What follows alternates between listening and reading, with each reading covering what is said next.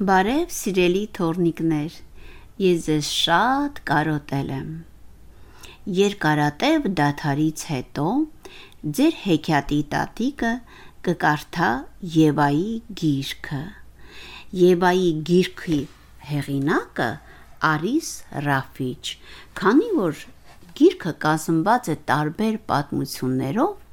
ամեն անգամ ես ձեզ համար կկարդամ մի նոր պատմություն։ Եվան 5 տարեկան գեղեցիկ ու բարի աղջիկ էր։ Եվան ապրում էր հայրիկի ու մայրիկի հետ։ Ծնողները երբեք չէին նախատում եւ անչափ սիրում էին նրան։ Եվան քույր ու եղբայր չուներ, ոչ էլ ընտանի կենդանիներ, դրա համար էլ շատ էր սիրում մանկապարտեզը որտեղ շատ ուրախ ընկերներ ուներ։ Մանկապարտեզում նրա ամենամտերիմ ընկերը Միքայելն էր, որը ի դեպ ապրում էր իրենց դիմացի տանը։ Ամեն առավոտ Եվան հայրիկի հետ գնում էր մանկապարտեզ ու խաղասենյակի պատուհանից հետևում էր, թե հայրը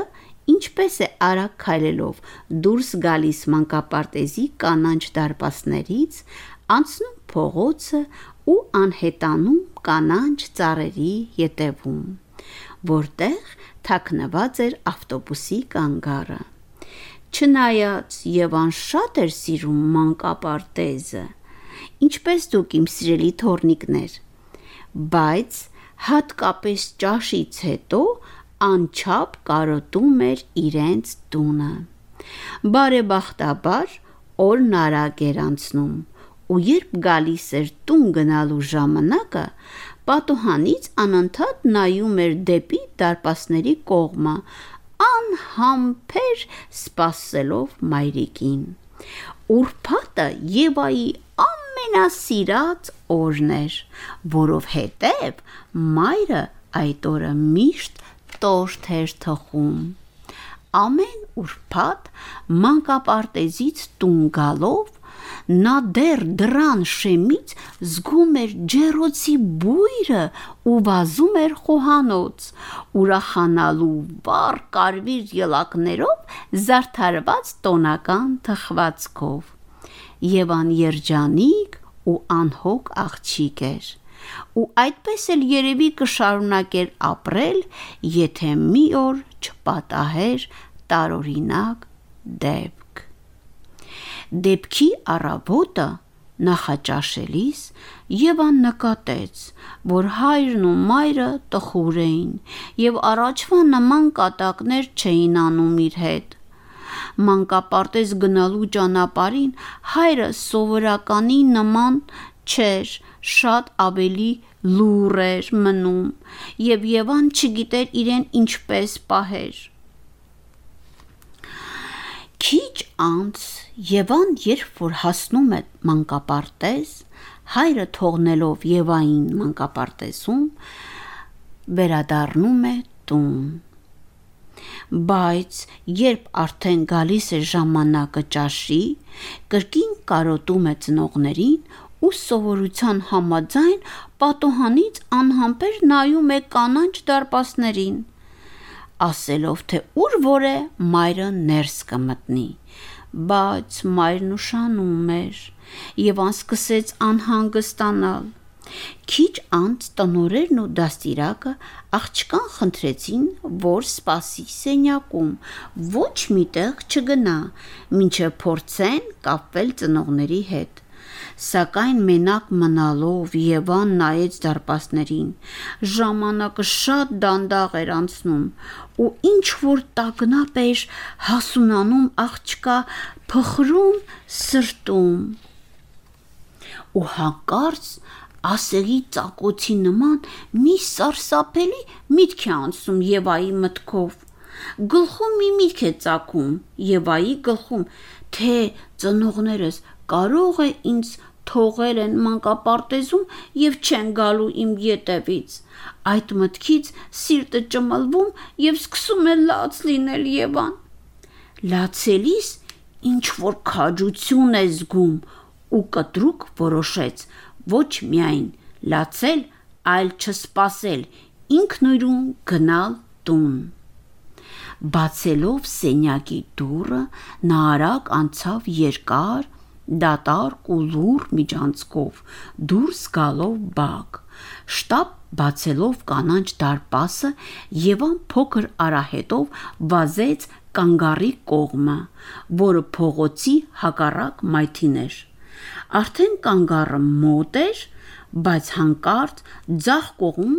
ինչ որ տարօրինակ ջերմություն է զգում Եվան։ Եվ գլուխը շրջելով հանկարծ իրեն մոտ տեսնում է մի սպիտակ ու փայլուն մետաղյա հսկա, որ ասես ֆիլմերի հրեշներից լիներ։ Եվան իր դեմքի մոտ զգում է սպիտակ հրեշից եկող ջերմությունը հետո այդ տակ հոսանքը ակնթարթորեն գրկեց նրան, կտրեց գետնից ու դանդաղ բարձրացրեց օդ։ Եվան զգաց, որ ճախրում է փետուրի նման, այդ պահին այնքան անսովոր էր, նա իրան այնքան թեթև զգաց, որ նույնիսկ մոռացավ բոլոր վախերն ու տագնապները հետո մի պահ սկսեց շատ արագ սալանալ օթում մութ ու անբարջանալի բայց շուտով հերվում երևաց արևը ու Եվայի արջև աստիճանաբար բացվեց մի գեղեցիկ գույնզգույն տեսարան նրա փոքրիկ մարմինը սկսեց դանդաղ իջնել փափուկ ու կանանչ դաշտի մեջ զարդարված անսովոր գույներով որ առաջ երբեք չէր էլ տեսել։ Վայրեջքի պահին զգաց, որ ձախ ոտքը մի փոքր ցավում է, բայց կանանչ դաշտն այնքան գեղեցիկ էր, որ անմիջապես մոռացավ ցավի մասին։ Եվան ոտքի կանգնեց ու սովորության համաձայն փորձեց թափ տալ շորերը,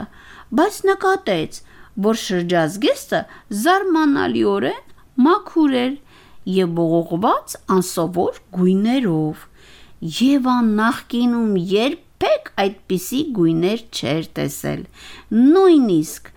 արևն էլ այնտեղ մի տեսակ տարբեր ու վառվռուն։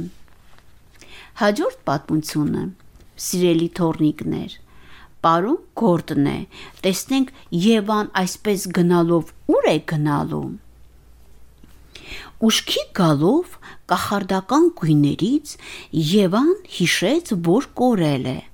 ու որոշեց փնտրել տան ճանապարհը։ Նա շատ բարձ հիշում էր, որ իրենց տունը 8-րդ հարկում է եւ իրենց շենքի պատերից մեկի վրա մոր ու մանկան մեծ նկար է փակցված։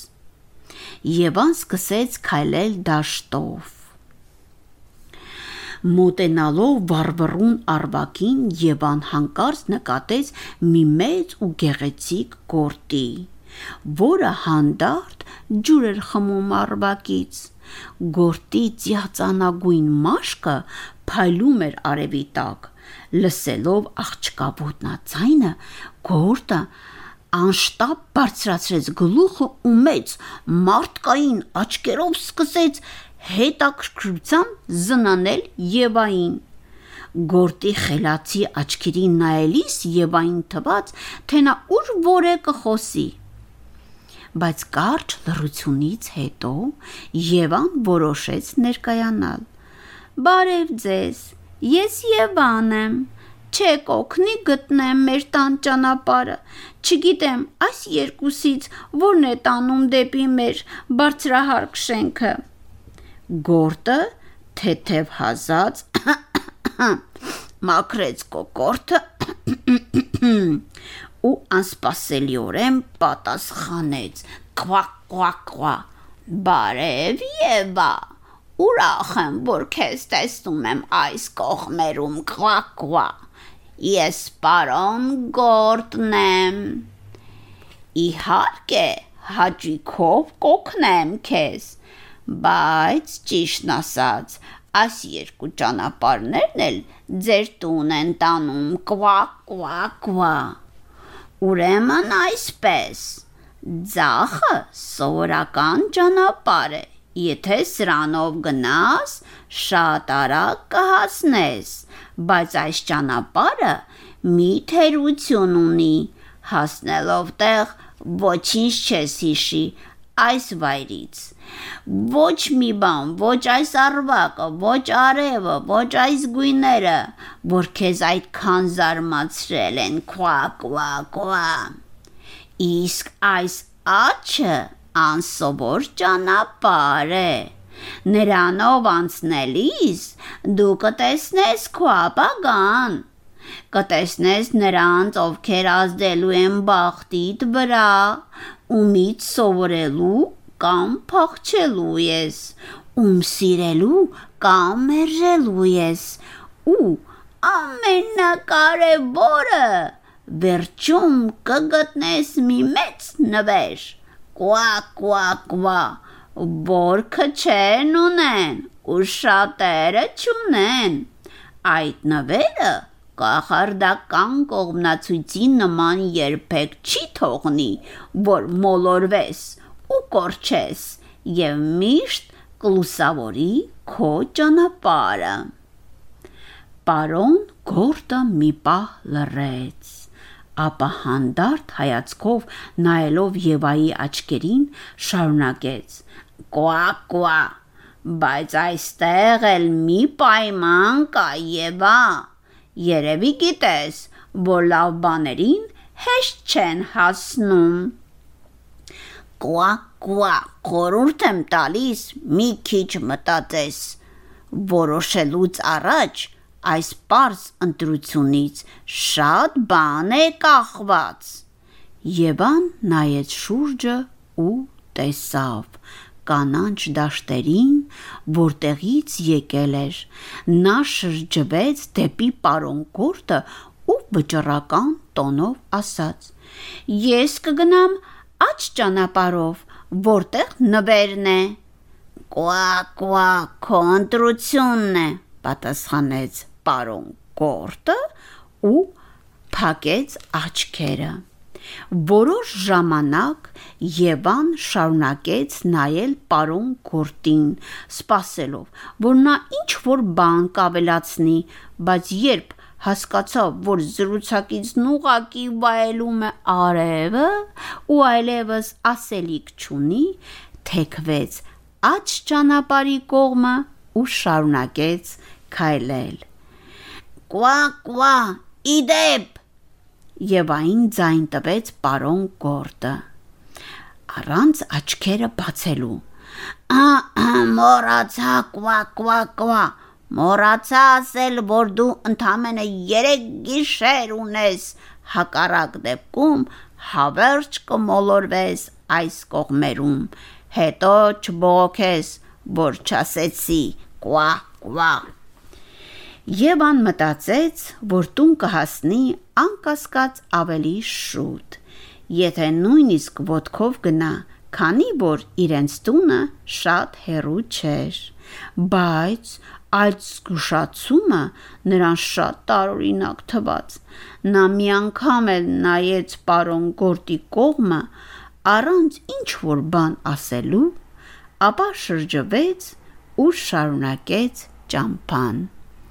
Կարդաց Մարաբաբոն հաջորդ պատմությունը հաջորդ անգամ սիրելի թորնիկներ